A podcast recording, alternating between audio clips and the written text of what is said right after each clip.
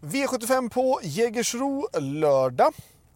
Vi inleder direkt med den första V75-avdelningen i en stor favorit i nummer 3, Always a Pleasure. Det är många som kommer gå spik på den här hästen och det är ju lite grann befogat kan jag tycka med tanke på det fina utgångsläget och att den kommer från en seger. Eh, annars så blir det här loppet väldigt dyrt kan jag tycka. Eh, jag har med mig 7 Belchic som vann från döden senast på ett bra sätt. Um, och jag är fortsatt nöjd med honom. Um, men det är klart att jag har ju fått ett handikapp i och med att jag har fått spår 7 och värsta motståndaren har fått spår 3. Uh, ehm, så att endast ska man spika 3, annars ska man ta med rätt så många hästar skulle jag säga i sådana fall. Då ska man alltså med 3 uh, eh, Always a Pleasure, eller 4 Here's Johnny Sox, 5 Global Delayed, 6 Game On Butcher, 7 Belchic uh, eh, och 9 Midjat Sass. Hästarna där bakom som jag tycker är intressanta är i sådana fall 1 Paragraf, 11 King of the Hill och 12 Galliano Peak. Det är väl de som jag då tyckt av kostnadsmässiga skäl att plocka bort. Så 3 är första häst, annars där bakom 4, 5, 6, 7 och 9. V75 2 är jag inne på spika 2 Mi Amore Bros. Örjan Kihlström från spår 2 åt Daniel Redéns häst. Ehm, jag tycker att det är ett bra spikförslag. Motståndsmässigt så är det då den här 3 Be My Baby, 6 eh, Shapiro Queen, 9 Bicana Wine, 10 Heartbeat Julie. Och 15 Ulga Utka som jag kan tycka är värst emot. Själv kör nummer 8 Cherry Cherry Lady som har ett intressant smygläge därifrån. Och ja, skulle kanske kunna plocka en bra peng därifrån men jag vet, det kanske blir svårt ändå på två, framförallt om den då skulle kunna få överta ledningen.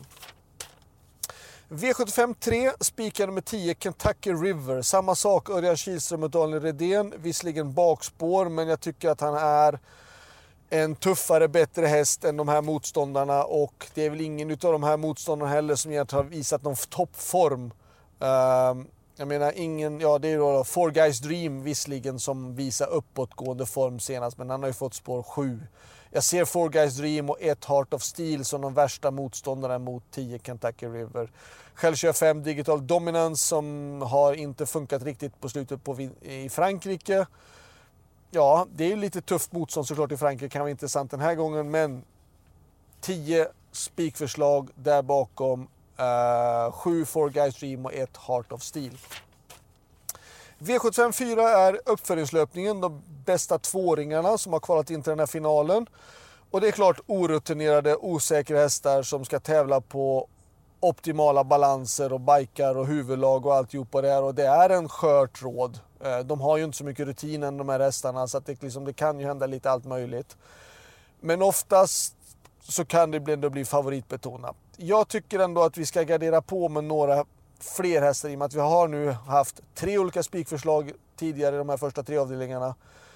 Så kan jag tycka att vi ska plocka lite streck här. Vi ska ta med nummer två Oriana Boko, tre Romulus Toma, sex Lamour pour Blanca, sju Duncan Cowan eh, och nio Västerbo Gute. Ehm, har man råd att plocka fler hästar då är det nummer ett Match Made in Heaven. Uh, jag skulle även kunna säga 6 RK Fade som jag tycker gjorde ett bra lopp senast. Hon har liksom inte riktigt fått till det i sina starter Hon hade otur. Hon gjorde bra försök, fick stenhårt tryck och ändå höll till andra priset. Uh, men det är klart, jag har ju spåret utanför de här mest betrodda. Så det är klart att det blir lite svårt. Va? Men 2, 3, 5, 9. Där bakom då kanske 7, 1. Kanske 10 också i sådana fall. Sen 6. V75 5. Eh, jag tycker det här loppet är lite öppet. Jag vill ha med nummer 3, Quill e Quiller B. 5 Ulla Royce. 6 eh, The Lion som känns bra men eh, han har stått över lite grann. Det kan hända att han behöver ha ett lopp för att hitta riktig form. Jag tycker ändå att han jag tycker ändå att han är sträckvärdig för att det är en fin häst i grund och botten och han har kapacitet nog att kunna vinna Eh, V75 även om han inte är på topp. Men jag tycker ändå att han känns okej. Okay. Jag vill även ha med nummer 9 Credit Yuan, 10 That's So Spicy och 11 Klondike River. Så 3, 5, 6, 9, 10 och 11. V75 6. Uh, två Rossi Garline har varit enormt bra och eh, har fått det bästa utgångsläget och på Jägersro som det ofta är en stor fördel att ha spets i början på upploppet. Uh, Uh, så att det är klart att den är den solklara första hästen. Men där bakom då fyra Friend of Elves, fem Versace Face, åtta Catullo Jet och kanske även tio Grappa Boy som jag kör. Uh, skulle kunna vara intressanta motbud. Eh, har man råd att ta flera hästar då säger jag 1 Nator Bo och 12 Sayonara. Men 2 är för mig solklar första häst och ska jag då rangordna loppet så säger jag 2, 8, 4, 5, 10. Ja. V75 7. Ehm. Jag tror att det kan bli lite spetskörning här. Jag tror att 6 Kristoffer Jett kommer att ladda hårt, men att försöka ta sig förbi 3 Eddie the Eagle och 4 Frankie Godiva ehm, det är inte helt lätt tror jag. Och det kan göra att loppet blir lite grann öppet.